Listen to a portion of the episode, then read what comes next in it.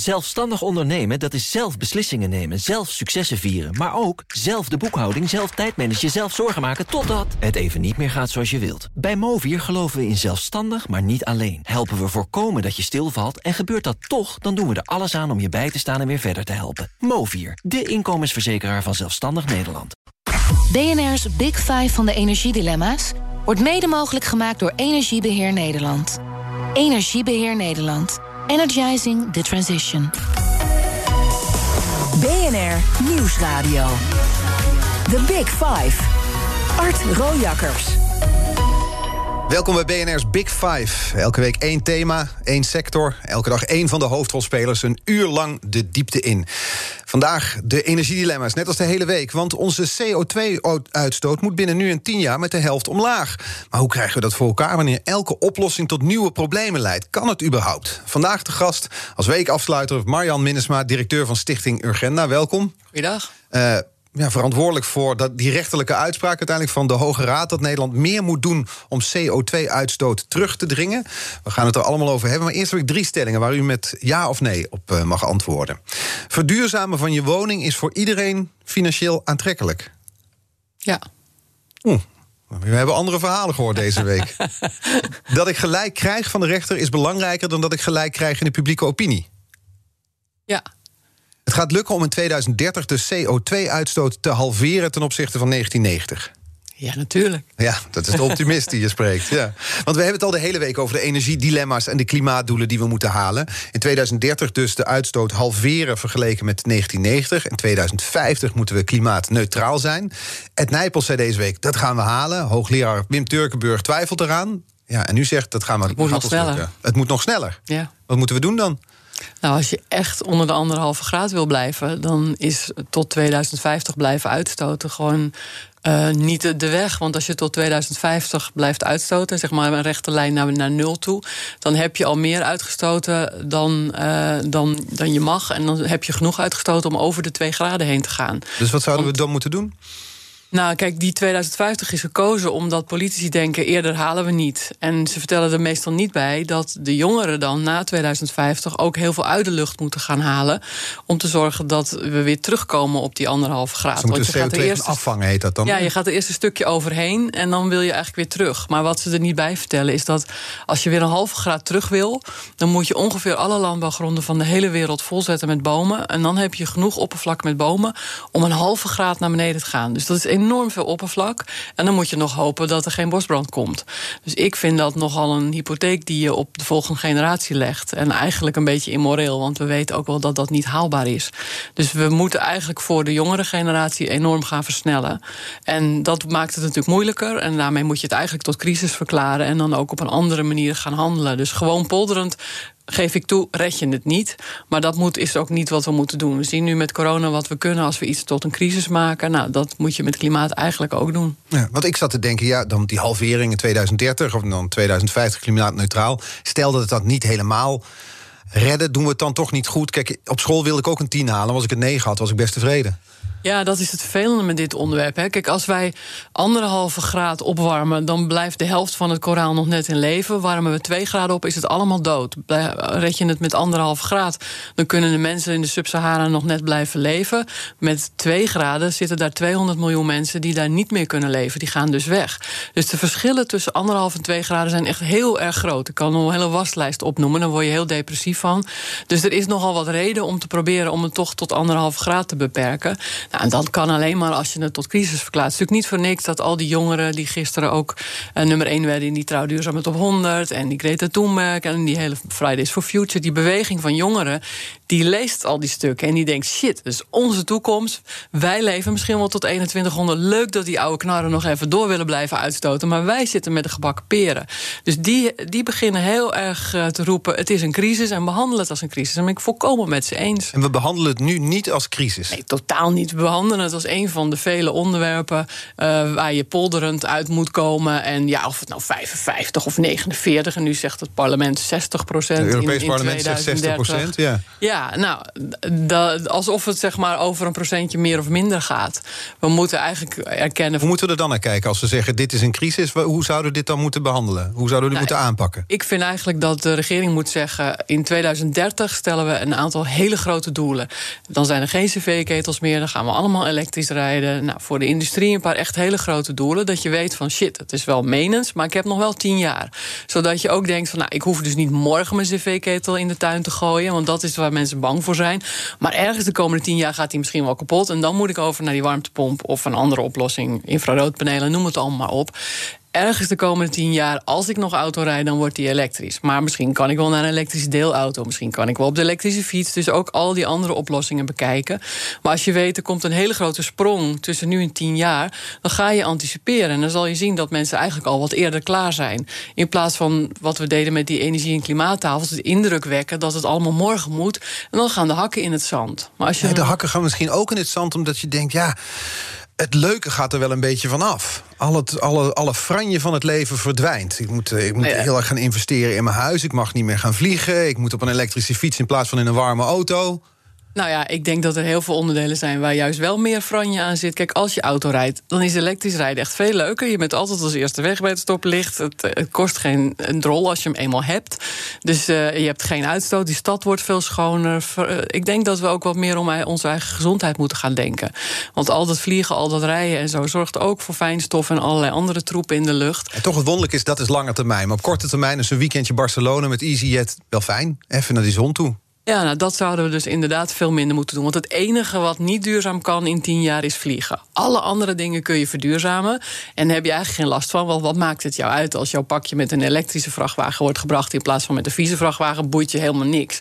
Dus de meeste dingen zijn helemaal niet ingewikkeld. Het enige wat ik in tien jaar niet zie gebeuren is duurzaam vliegen. Nou, dan moeten we misschien eh, naar een vouchersysteem dat je per vijf jaar zoveel keer mag vliegen.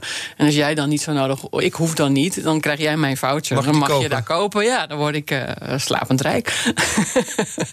dus ik denk, je moet niet focussen op het allermoeilijkste. Focus nou op wat er allemaal wel kan. We kunnen mensen. We hebben de hele week hebben we hier mensen gehad. Hè, van, van Wim Turkenburg tot Ed Nijpels, tot de voorman van Essent, tot Frans Timmermans. Houden zich allemaal bezig met die energietransitie.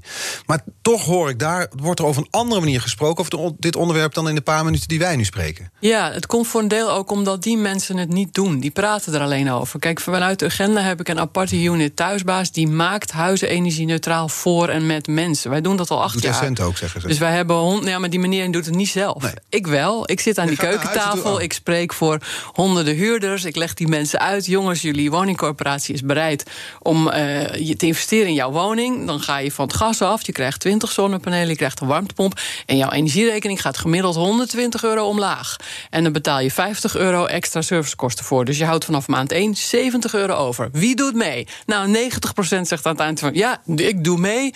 En dan hebben we, als we dat doen, dan zijn we een weekje mee bezig. Dus het is ook niet dat je nou weken in de troep zit. Je hoeft niet naar Sporthuis Centrum. Dan zetten we aan het eind van de week een, een tent neer. Weer een huis zonder energierekening. En dan nodigen we de hele buurt uit. Dan komt iedereen kijken. En die denkt van, wow, ik wil ook wel een huis zonder energierekening. Dus die kloppen ook aan bij die corporatie. Mag ik ook. En dan krijg je een olievlekwerking. Dus begin nou niet bij de mensen die niet willen. Ga niet mensen dingen door de strot duwen. Begin met de mensen die wel willen. En zo zet je de eerste stappen. Ja, maar dat zijn er al miljoenen die wel willen. En dan gaat het vanzelf lopen. En Zijn er überhaupt dilemma's? Dit is de week van de energiedilemma's. Ja, natuurlijk zijn er dilemma's. Eh, Want er zijn altijd mensen die iets niet willen. Kijk, we hebben heel veel zon en heel veel wind nodig. En niet iedereen vindt wind leuk. Dus, Nou, de- eh, vooral de windmolens dan. ja, dus en, en het wordt echt een deel op land en een deel op zee. Veel meer op zee dan op land. Maar je moet ook wat op land hebben. Nou, dan. Ik zeg tegen heel veel gemeenten: als we heel Nederland willen verduurzamen. en je, kijkt naar wat je nodig hebt. dan zijn er ongeveer negen windmolens nodig voor een gemeente. Nou, dan eh, kun je natuurlijk zeggen: van nou, dat wil ik niet. Je kan ook denken: wat is mijn lelijkste stukje? Bijvoorbeeld, ik heb een snelweg in mijn domme gemeente, of weet ik wel, ik zet twee rijtjes van vijf neer en dan ben ik klaar. Maar natuurlijk moet je wel kijken van waar wil je het echt niet. Dus als we nou bij de Maasvlakte in Rotterdam er een paar honderd neer zouden kunnen zetten, dan kun je zeggen, doe ik het in het Groene Hart niet. Als Amsterdammer langs het Noordzeekanaal een paar meer neerzet, kun je zeggen, doe ik het op Texel niet. Dus ik zeg niet dat het overal moet, maar wel dat het niet 127.000 uh, windturbines zijn zoals het op de voorpagina van de Telegraaf stond. Het is negen per gemeente. En als je over 20 jaar denkt, nou ik vind toch niks, dan haal je hem weg. Er zit heel veel metaal in, kun je opnieuw gebruiken. En dan heb je dan misschien wel een vlieger of een andere oplossing. Maar ga nou niet wachten tot de ideale oplossing, want dan zijn we gewoon zeker te laat. The Big Five. Art Rojakkers. Deze week vijf kopstukken over de energiedilemma's. Ed Nijpels van het Klimaatakkoord, hoogleraar Wim Turkenburg... Essent-CEO Patrick Lammers, eurocommissaris Frans Timmermans... en we sluiten de week vandaag af met Marjan Minnesma, directeur van Urgenda. Eh, rondom die uitspraak van de Hoge Raad, eh, hoeveel haatreacties kreeg u toen eigenlijk? Dat viel eigenlijk heel erg mee, een handjevol. Uh, en met name dan mensen die bang zijn dat het betekent dat zij inderdaad morgen de cv-ketel weg moeten doen. of dat ze nog vijf truien aan moeten trekken en dat soort uh, dingen. Eigenlijk, ja, weet je, de meeste mensen beginnen zich te realiseren dat wat wij hebben gevraagd aan die rechter is niet iets wat wij hebben verzonnen of die rechter. Dit was wat de Nederlandse overheid al tien jaar lang in allerlei stukken had gezegd. We moeten eigenlijk tussen de 25 en de 40 procent minder uitstoten. En in 2010 hadden we minister Kramer die zei van ja, wij zijn een hele grote uitstoter, dus dan zou je eigenlijk als Nederland 30 moeten doen. Want waarom zou je aan de onderkant gaan zitten? Dus dat hadden we al een keer als een doel. En dan komt er een nieuw kabinet en die halveert het. Maar die 25 procent die komt niet uit de lucht vallen, die komt gewoon van de regering zelf. Heeft ze ondertekend in de honderden stukken. Dus ja, eh, het is ook op het pad naar wat ze zelf willen in 2030. Het was in lijn met wat, precies, maar het was in lijn met wat de regering zei. Het werd afgedwongen via de rechter. De kritiek was natuurlijk dat daarmee de rechter te veel op de stoel van de overheid ging zitten. En, en dan zou je kunnen zeggen, ook al krijg je gelijk bij de rechter. Ja, zorgt er niet voor te veel weerstand? Zorgt het niet bij burgers voor veel weerstand? Nee, dat heb ik niet gemerkt. Maar de meeste burgers hebben er ook niet heel veel last van. Hè? Want de overheid heeft gezegd: oké, uh, vooruit, we gaan doen wat de rechter heeft gezegd. Want dat was eigenlijk wat we zelf ook wilden. Dus laten we eens een keer onze doelen gaan halen. We sluiten één kolencentrale, we brengen de andere terug naar 25 procent. Nou, inmiddels heb je misschien gezien dat de overheid heeft geld aangeboden aan de overgebleven kolencentrales. Wie van jullie drie wilde dicht, dan krijg je een heleboel geld. Nou, ik denk dat er dus nog wel eentje dicht gaat. En wij hadden samen met 800 organisaties een 54-puntenplan ingediend. Met 54 allemaal kleine stapjes die ze nog dit jaar konden doen om het toch te halen. En daar hebben ze er nu 30 van uitgekozen en die worden ook uitgevoerd. En die zijn eigenlijk gunstig voor de burger. Want de burger krijgt extra subsidie voor isolatie, extra subsidie voor uh, warmtepompen, dus meer voor zonnepanelen. Dus er is ontzettend veel juist richting de burger. Er is een pot voor woningcorporaties beschikbaar gesteld. Dus er zijn ontzettend veel dingen gedaan om te besparen en om meer zon. Want dat zijn eigenlijk de twee dingen die je op termijn van één jaar kunt doen. Besparen mm -hmm. en zon, want wind duurt veel te lang. En dat gaat allemaal richting de burger en richting uh, MKB, et cetera. Dus uiteindelijk heeft ons vonnis geld opgeleverd voor uh, MKB en burgers. Ja, toch, het gaat over het draagvlak natuurlijk. Gisteren was hier dus uh, Eurocommissaris Frans Timmermans. Die had via de kettingvraag deze vraag voor jou. Ik zou aan haar willen vragen: denk mee met ons hoe we ervoor zorgen dat we iedereen hierin meekrijgen. Uh, dat, uh, je kunt wel gelijk hebben, uh, maar je moet het ook krijgen van de grootst mogelijke meerderheid van de Nederlandse bevolking. En dat betekent dat alles wat we doen ook gebaseerd moet zijn op heel sterk sociaal beleid. Dus daar zou ik graag haar aandacht voor willen vragen. Je moet ook gelijk krijgen, zegt Frans Timmermans. Ja, ik zou zeggen, laat meneer Timmermans eens een weekje met mij meelopen. Want ik loop de hele dag in het land rond. Bij mensen die huren, bij mensen in kerken, bij gewone mensen. Om uit te leggen waarom we dit moeten doen. Want ik denk dat het begint met begrip kweken voor waarom we zoveel snelheid willen maken en waarom dit nodig is. En dan uitleggen dat het ook wel degelijk kan zonder dat het voor jou het leven duurder maakt.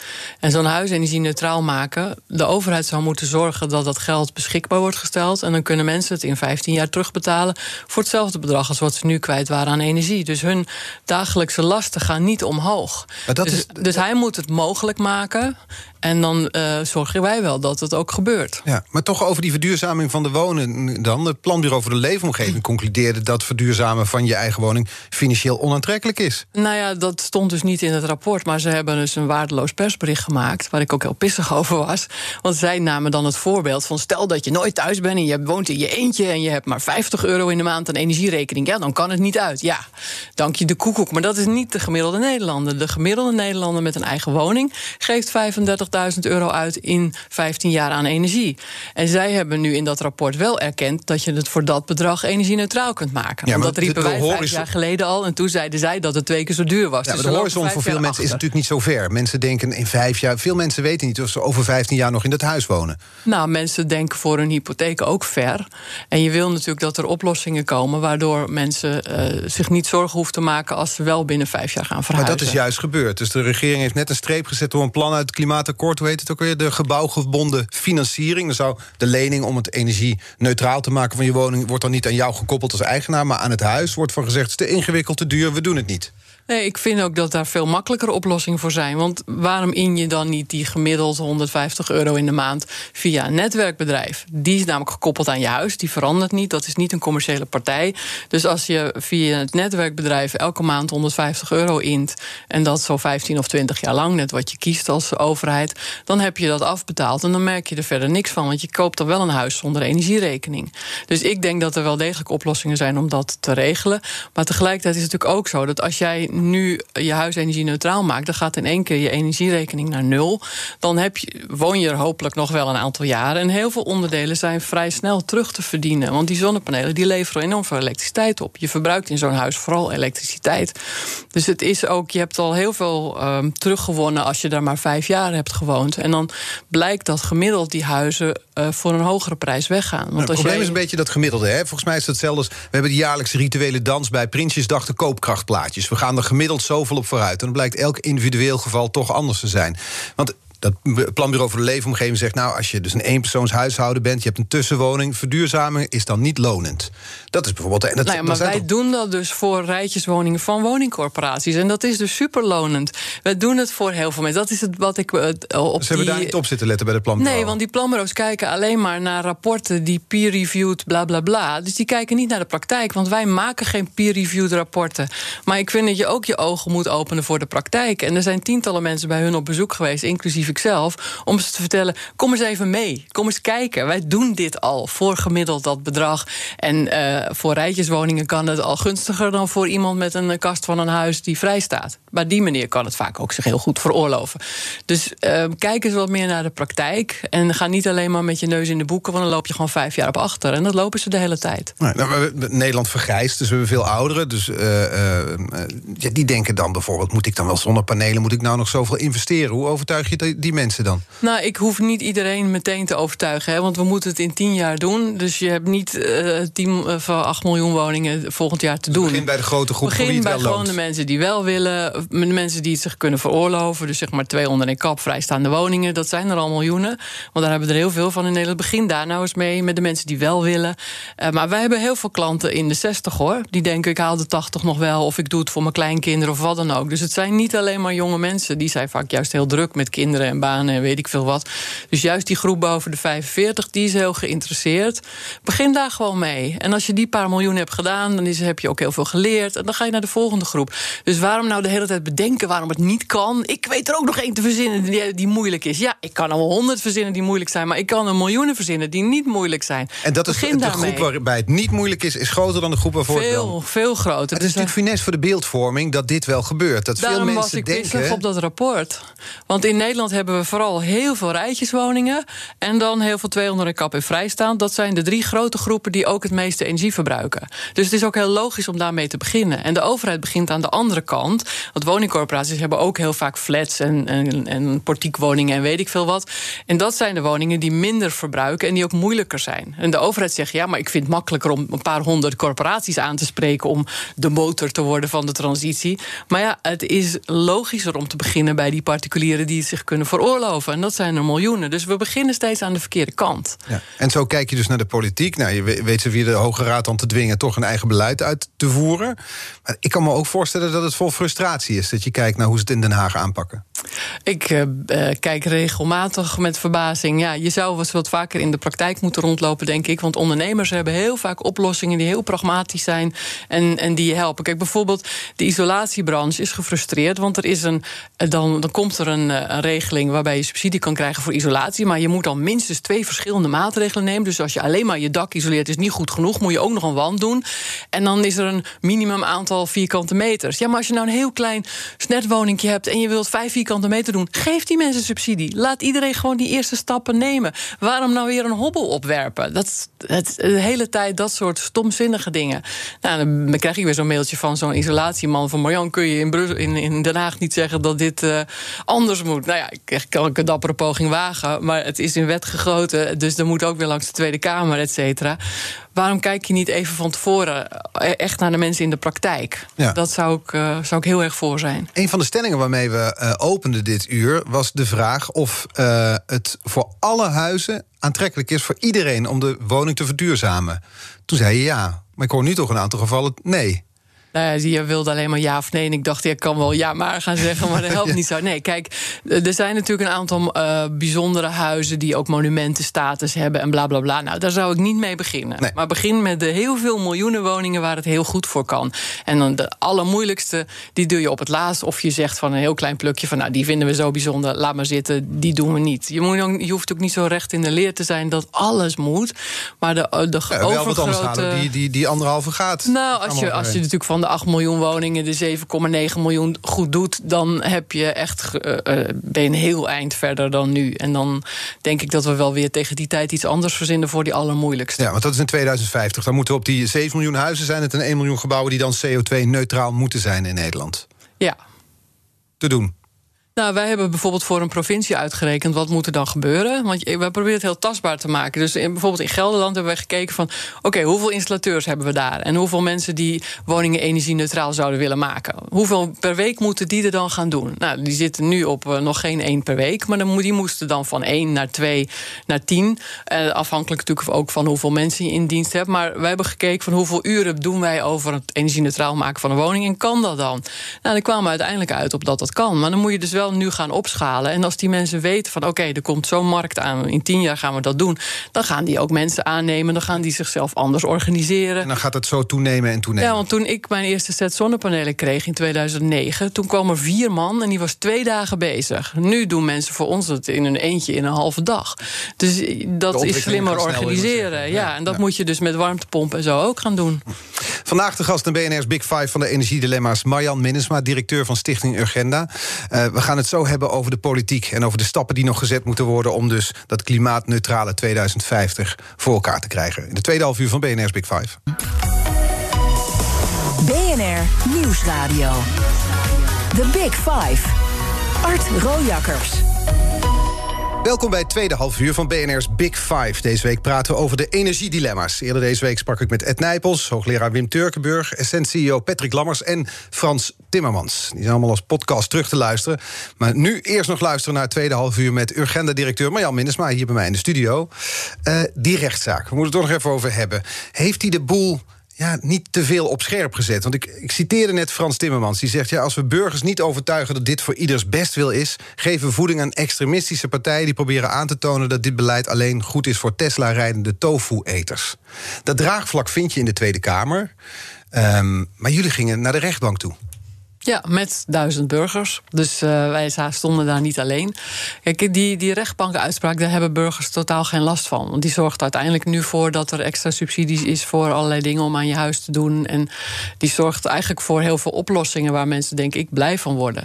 En ook grote bedrijven krijgen geld om bijvoorbeeld van het lachgas af te gaan, dat soort dingen. Dus eigenlijk was iedereen wel tevreden over het feit dat er wat extra vrij werd gemaakt om meters te maken. Dus ik denk dat voor onze rechtszaak niemand last heeft. Ik ben het wel met Frans Timmermans eens dat we dus moeten uitleggen wat we waarom doen. Dat het niet hoog over is. En ik denk dat dat onder andere bij die energie- en klimaattafels verkeerd is gegaan. Omdat daar heel erg de indruk werd gewekt dat je dan morgen je cv-ketel weg moet doen en overmorgen je auto. Ja, dan worden mensen boos, dat snap ik ook.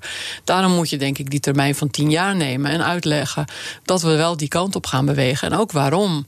En dat je uiteindelijk dan een stad overhoudt waar de lucht schoner is, waar je ma een maandelijkse kosten op laag zijn gegaan. Want als eenmaal de investeringen zijn gedaan en als je eenmaal een elektrische auto hebt, dan, dan kost die veel minder in het dagelijks gebruik. Maar ik snap heel goed dat heel veel mensen zich dat niet kunnen veroorloven. Dus je moet gaan zorgen voor die financiering, voor het energie-neutraal maken van huizen en voor de overgang naar ander vervoer. Zorg dat er in de stad overal elektrische deelauto's staan. Dan hoef je zelf geen auto te hebben.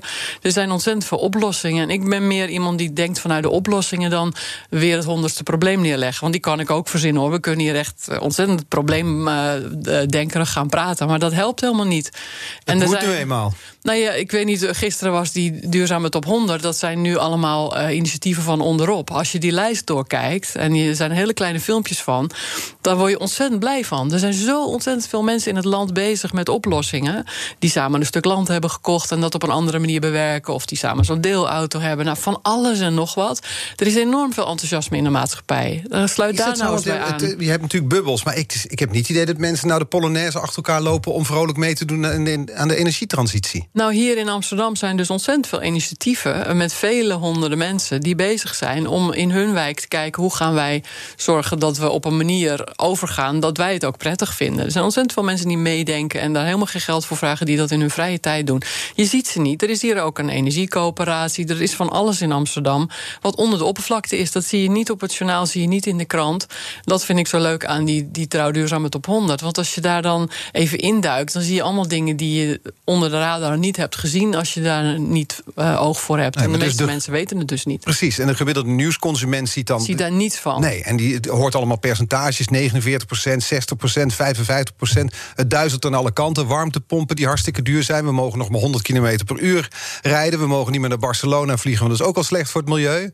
Dat is dus wat uh, ja, dus het, draagvlak, is, draagvlak aantast. Dus het hangt heel erg samen met hoe we erover praten. En ook wat er in het nieuws komt, wat er op tv... En die opsomming van mij, van zo net, is dus funest dan? Ja, en dat, dat vinden de, de nieuws, uh, de, de, hele media heeft natuurlijk de neiging om problematische dingen neer te zetten. Want leuk nieuws is meestal geen nieuws. Dus je hoort vooral de mensen die boos zijn en je hoort alle problemen. Maar als je nou naar de andere kant kijkt, dan zie je dat 80% van de mensen zich zorgen maken over klimaat. Staat gewoon in hun top 3, zelfs in coronatijd. Uh, en heel veel van die mensen zijn aan de slag gegaan. Meer dan een miljoen mensen hebben al zonnepanelen. De elektrische autoverkoop is, is exponentieel gegroeid. Dus kijk gewoon even naar de beweging die er wel is en probeer daarbij aan te sluiten. En ik denk dat het inderdaad heel erg hang, samenhangt met hoe je erover praat, wat je zegt in normaal Nederlands. Ja, nou, dat, dat zijn we dit uur aan het doen. Maar toch gaan we een aantal vormen van energie nalopen die dan volgens jullie natuurlijk niet omstreden zijn, maar waar mensen wel vraagtekens bij hebben. Er zijn bijvoorbeeld hele groeperingen die het een gruwel vinden dat polders vol komen te staan met windmolens, we hadden het er al over, of zonneweiden. Daar gaat ons landschap. Ja, nou, wij hebben natuurlijk bekeken wat is er nodig om op 100% duurzame energie uit te komen. En dan heb je gemiddeld 9 zonnepanelen per persoon nodig als je het over het hele land zou verspreiden wat je dan nodig hebt. Dus voor een huishouden van 4 heb je dus 36 zonnepanelen nodig. Ja, en dan heb je dus dat moet je verspreiden over alle oppervlakten. Dus als jij maar 10 eh, zonnepanelen kwijt kan, mijn buurman is boer, die heeft er 200 liggen. Dus het hoeft niet allemaal bij jou, maar we hebben twee keer te veel hard oppervlak. Dus we kunnen het allemaal kwijt op daken, op geluidswallen, op wanden op van alles en nog wat. dus het hoeft niet op een weiland. Maar ik zie het overal langs de snelweg nu verschijnen. Ja, en een van de problemen is dat wij in Nederland hebben gezegd... nou, we gaan die hele energietransitie regionaal maken. Dus we hebben 30 regio's en die moeten een regionale energiestrategie maken. En dan is er van bovenaf gezegd... ja, en die moeten 35 terawattuur grootschalig zon en wind doen. Dus al die gemeenten zitten te kijken naar... hoe leg ik dan een weiland vol? Want grootschalig zon, dat is een weiland volleggen. Vind ik dus extreem schadelijk. Want af en toe een Wat is schadelijk aan? Nou, omdat het dus niet nodig is en mensen willen het ook niet in het weiland hebben. En heel veel land, uh, grond zullen we nodig hebben voor andere dingen. En ik vind het natuurlijk helemaal niet erg als er, uh, weet ik veel, rondom Schiphol zo'n weiland komt, omdat je daar ook geen ganzen wilt, uh, bla bla bla. En als je ze dan ook nog hoog op de poten zet met allemaal moois eronder, dan is het best. Maar de gemiddelde projectontwikkelaar, die wil hem gewoon lekker uitrollen. En die wil helemaal niet ook nog een biodiversiteitsprojectje erbij. Dus ik denk dat we ook. Waardoor je dus naar zo'n weiland vol met van die zwarte cellen zit te kijken. Ja, en de netwerkbedrijven vinden het ook helemaal niet fijn als er ergens in de middle of nowhere een heel groot zonneveld komt. Want die hebben daar ook helemaal niet de infrastructuur voor. Dus dan moet er ineens een nieuw transformatorhuisje bij. Dan moeten er allerlei dingen verstevigd worden. En die netwerkbedrijf zegt dan ook: ja, over drie jaar ben je de eerste. En dan zijn die mensen die zo'n zonneveld wilden neerleggen, zijn weer boos. Ik zou zeggen, kijk eerst eens even in je gemeente wat er allemaal nog aan daken is waar niets op ligt. En begin met dat vol te leggen. Veel duurder is dat. Nee, dat is het probleem is, waarschijnlijk. Het is niet eens per, het is niet duurder. Het is ingewikkelder, omdat het niet jouw daken zijn. Dus je moet dan met allerlei mensen in gesprek van... goh, wil jij je dak misschien En dan volleggen? is het makkelijker om één weiland vol te Ja. leggen... met een paar honderd zonnecellen. Ja, en dat, en, en dat levert die mensen die dat doen ook goed geld op. Dus de, men- de projectontwikkelaars die, die kijken helemaal niet naar de omgeving of naar de biodiversiteit. Die willen gewoon geld verdienen. En mensen worden daar boos over. En ik denk dat gemeentes ervoor zijn om te zeggen: nee, we gaan dat niet al die weilanden volleggen. We gaan gewoon kijken hoe gaan we mensen verleiden om hun dak vol te leggen. Want als je ook maar een Hoe beetje ga je mensen geld. verleiden je dak vol te leggen... in plaats van... zodat het ook concurrerend is met die zonneweiden... Nou, als je maar een beetje geld over hebt, dan kun je het beter op je dak leggen dan het op je bank houden. Dus op dit moment, de eerstkomende tien jaar, is het enorm rendabel om vooral zo snel mogelijk je dak vol te leggen. Dus dat zou je iedereen die iets over heeft moeten aanraden. En dat is ook voor, voor privé mensen veel goedkoper dan een weiland volleggen. Dus voor jou is het super gunstig om maximaal vol te leggen. Want geld op de bank levert niks op. Kun je beter je dak En het- volleggen het rendement op je dak is vijf, zes, zeven keer hoger. Dus dat, eh, en wij zijn dus eh, aan het kijken van... nou, waar, wat kan je dan nog meer verzinnen? Hè? Kun je niet een veranda bouwen of kun je een carport bouwen... of kun je het op je schutting doen? Er zijn ontzettend veel plekken waar je zon kwijt kan... en wat heel rendabel is. Dat is dus over de zonnecellen. Windmolens hebben we wel gehad. Andere is biomassa. Dat was ooit een beetje de, de love baby, zou je kunnen zeggen. Daarmee zouden we een heel groot deel van de klimaatdoelen bereiken. Vond ook Urgenda, toch? Nee, de agenda heeft al tien jaar een plan... met zon, wind en aardwarmte Ja. en zonder biomassa. Maar Maar ooit was biomassa was in ieder geval... Maar biomassa is een heel breed begrip. Hè? Dus als de waterleidingbedrijven eh, jouw poep en pies binnenkrijgen... en daar houden ze wat aan over, dat heet ook biomassa. Als je daar energie van maakt, top. Mhm. Nee, we Dus bedoelen, maar ik bedoel in dit geval met biomassa... het biomassa. Hout. Ja, en dat wij dus hout uit andere landen eigenlijk verstoken.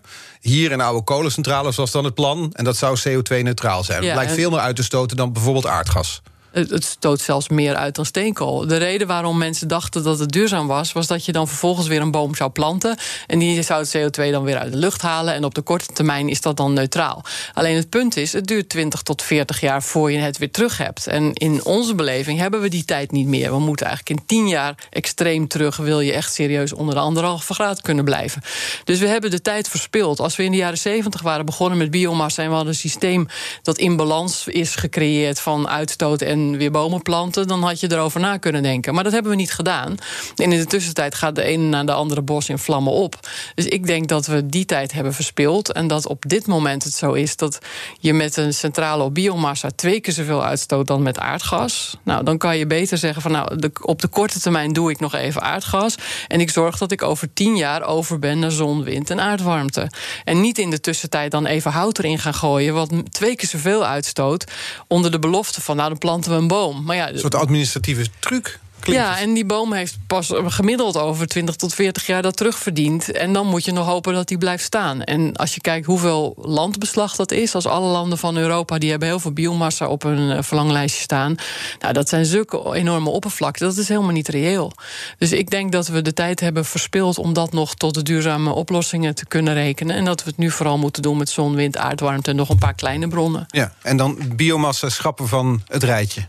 Ja, nou niet de biomassa, dus eh, van andere soorten. Hè? Want er zijn ook eh, afvalbedrijven die halen al het groen wat jij in je grijze zak erbij hebt gepropt eruit. Die maken daar groen gas van en daar rijden hun vuilniswagens op. Top. Dus je moet ook niet biomassa eh, allemaal in het verdomhoekje stoppen. Want er zijn heel veel vormen die wel oké zijn. Maar hout verbranden in een kolencentrale of hout voor een warmtecentrale is in de meeste gevallen, zijn altijd kleine uitzonderingetjes, in de meeste gevallen gewoon geen goed idee. BNR Nieuwsradio. The Big Five. Art Rojakkers. Ja, zometeen dus eh, Ask Me Anything. Nu nog Big Five van de energiedilemma's met Marjan Minnesma, directeur van Stichting Urgenda. Je zei net in een, in een bijzin tegen Ivan, die coronamaatregelen zorgen wel voor een vermindering van de uitstoot. Want eind dit jaar moeten we al op min 25 procent. Uh, ja, zitten. dat zouden we normaal nooit hebben gehaald. En nu door corona komen we misschien in de richting. Dus het is nog heel moeilijk om het precies te voorspellen. Hè, want er zijn allerlei, wat ze dan noemen, tweede en derde orde effecten. Dus als bedrijven zoals Tata Steel, um, die verkopen hun staal aan de bouw en aan, aan autofabrikanten. We rijden veel minder, dus er worden ook veel minder auto's verkocht. De bouw lag een beetje op schat, ook door stikstof. Ja, dan gaat de staalproductie omlaag. Dat, dat is de grootste uitstoter van Nederland. Dus zo zijn er allemaal effecten die door dooreilen. Maar zelfs Ehm, nu, zelfs eigenlijk toen nu we maandenlang stil hebben gelegen, amper reden, de industrie stil lag, zelfs dan halen we die CO2-doelen niet? Nee, nee, want we zaten in het eerste half jaar op een 8% eh, minder uitstoot of minder uh, economie. Nou, dat zorgt dan voor iets minder uitstoot, maar het was nog niet voldoende. En ik weet dus niet wat er nu de laatste maanden nog gaat gebeuren, dus we houden het allemaal bij. Ze komen meer in de richting door corona dan ze hadden van gekund. te worden dat zelfs nu, nu alles stil ligt, dat we het zelfs dan niet halen. Nou ja, dat zegt dus iets over de opgave die we hebben. Want als je zeg maar zonder negatieve emissies, dus zonder extra bomen of zonder CO2 onder de grond te stoppen, in 2030 naar nul uitstoot zou willen, dan moet je dus zo stijl naar beneden gaan als we de afgelopen half jaar hebben gedaan. Nou, dat wil dus niemand. Oftewel, dat betekent dat we andere dingen moeten gaan doen en tegelijkertijd dus ook bomen moeten gaan bijplanten en al die andere. Dus het is heel erg en en en geworden, omdat we te belabberd waren om eerder minder te gaan uitstoten. Maar het is nog te doen. Het is nog steeds te doen, ja. Het is wel echt, uh, nou, het is al vijf over twaalf. Hè. Die, die video van David Attenborough zegt, laat natuurlijk heel duidelijk zien wat we hebben gedaan als mens. Maar als we de komende tien jaar stijl naar beneden gaan, dan kunnen we het nog een beetje leuk houden voor de volgende generaties. Als we dat niet doen, omdat we denken, nou hebben we geen zin in en we hebben nog 30 jaar, dan denk ik dat over 30 jaar onze kinderen terugkijken en denken, wat waren dat voor een eikels? Die alleen maar voor hun eigen genot gingen en ze wilden nog een keer naar Barcelona in het weekend en bla bla bla. Kijk eens welke rotzooi ze ons hebben nagelaten. Want welke rotzooi hebben we ze dan nagelaten? Omschrijft die wereld is van 2050? Nou, dat word je licht depressief van. Ik weet niet of we dat nu moeten doen. Maar dat, dat is een, een wereld waarin uh, een miljard mensen niet kunnen blijven waar ze nu zijn. Omdat de zeespiegel te veel is ge, gestegen. Omdat de gletsjers er niet meer zijn, waardoor er geen water meer is en dus geen landbouw. Dat is een wereld waarin er heel veel meer extreme stormen, bosbranden, nou, van alles nog wat zijn. Dus het is enorm ontwrichtend. En met name de mensen aan de onderkant van de samenleving hebben daar het meeste last van. Kijk, de rijken gaan bij wijze van spreken op hun eilandje zitten met een paar bazooka's en uh, vieren feest.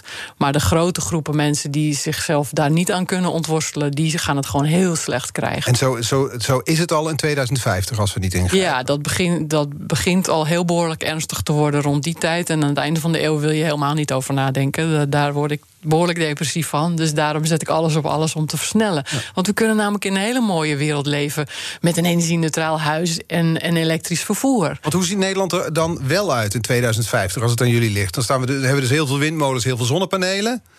Ja, we gebruiken aardwarmte. Dus als je zeg maar vijf kilometer in de grond gaat, zit heel heet water. Dat kunnen we voor allerlei industriële processen gebruiken en voor de kassen.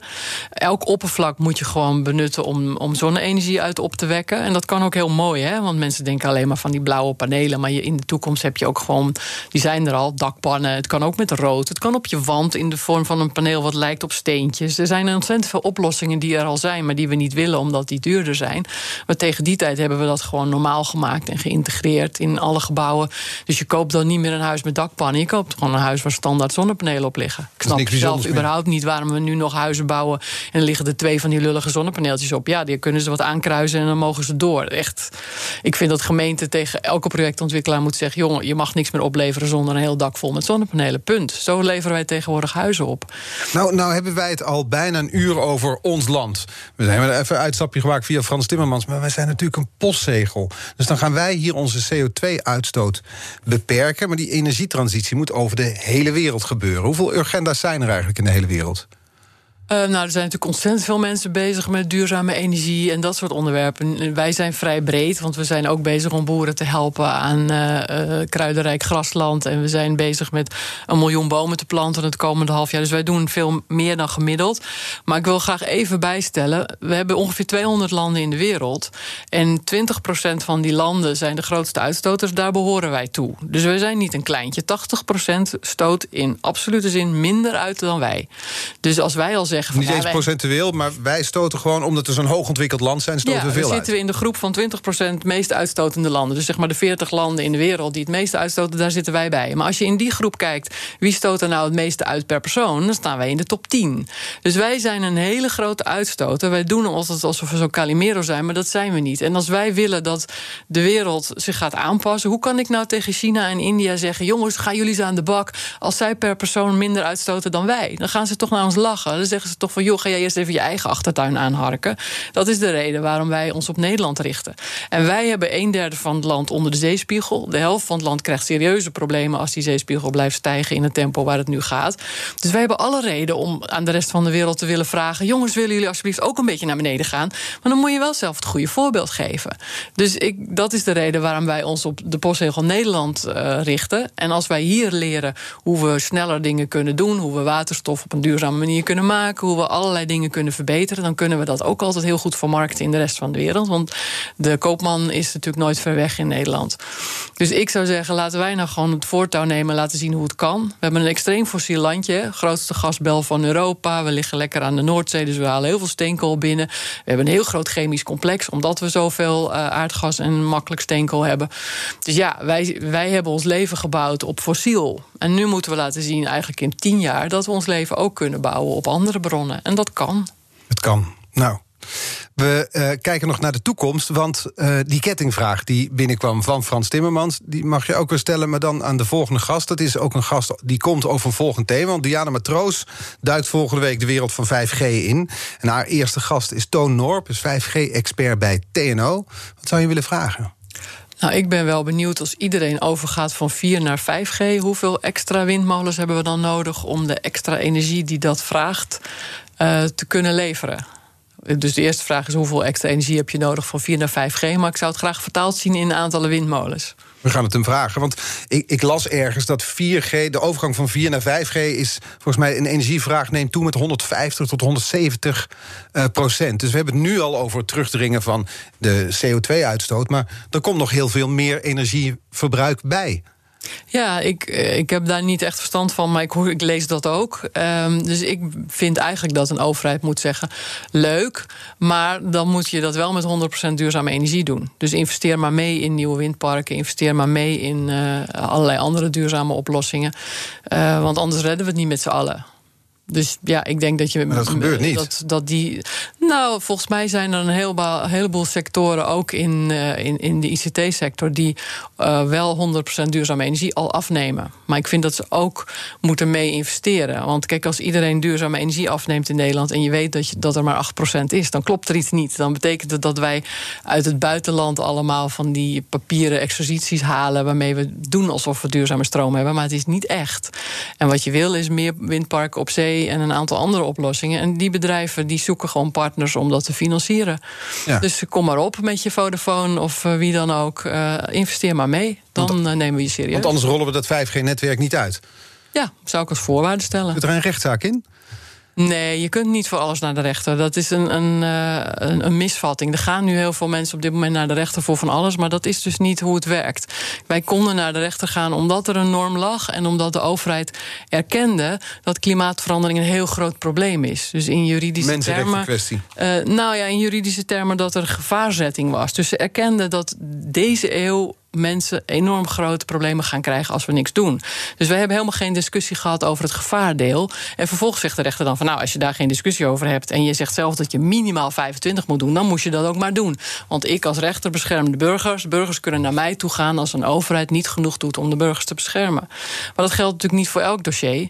Dat het zo duidelijk is dat de overheid het erkend heeft en dat er een norm ligt. Dus ik denk dat heel veel van die rechtszaken het niet zullen redden. Nee, maar bij stikstof lukte het wel. Ja, maar daar lag dus ook een hele duidelijke norm die de overheid willens en wetens overschreed. En, en die de overheid wist dat ze regelingen had gemaakt die niet deugden. En die dacht van nou, we, kijken wel of er iemand uh, het gaat aanvechten. Ja, dat, dat, dat kan je dus niet meer doen. En dan rijden we dus overdag nu 100 km per uur. S'avonds mogen we nog lekker doorrijden. Ja, dat vind ik zo stom. Uh, dan heb je allemaal van die extra bordjes uh, en maakt het leven alleen maar ingewikkeld. Doe dan gewoon even alles 100. Hè? Want dan had het qua CO2 had je dan niet 0,2 megaton minder uitgestoten, maar een halve. Dus dat, dat draagt weer bij aan ons vonnis. En het helpt voor die stikstofdossier. Uh, dus ja, ik denk, waarom dan weer na, na, na zeven uur harder? Kom op, joh. Doe maar gewoon 100, totdat meer dan de helft van het land elektrisch rijdt... en dan mag je weer harder. Of de elektrische auto's. Of de elektrische auto's mogen harder, vind ik ook goed idee. Dat hebben ze in Noorwegen, hè, de bordjes boven de weg. Elektrische auto's mogen wel 130 en de rest 100. Nou, vind ik ook goed. Dat is een goede stimulans. Genoeg praktische oplossingen te verzinnen. Dank. Die zijn er dit uur eh, verschillende voorbij gekomen. Dank voor het gesprek. Agenda-directeur Marjan Minnesma. Uh, alle afleveringen van BNR's Big Five zijn terug te luisteren... deze hele week van de energiedilemma's dus. De podcast is te vinden in de BNR-app en op bnr.nl. Nu Ivan Verrips met Ask Me Anything. Dag. BNR's Big Five van de energiedilemma's wordt mede mogelijk gemaakt door Energiebeheer Nederland. Energiebeheer Nederland. Energizing the transition. Zelfstandig ondernemen, dat is zelf beslissingen nemen, zelf successen vieren... maar ook zelf de boekhouding, zelf tijdmanagen, zelf zorgen maken... totdat het even niet meer gaat zoals je wilt. Bij Movier geloven we in zelfstandig, maar niet alleen. Helpen we voorkomen dat je stilvalt en gebeurt dat toch... dan doen we er alles aan om je bij te staan en weer verder te helpen. Movier, de inkomensverzekeraar van Zelfstandig Nederland.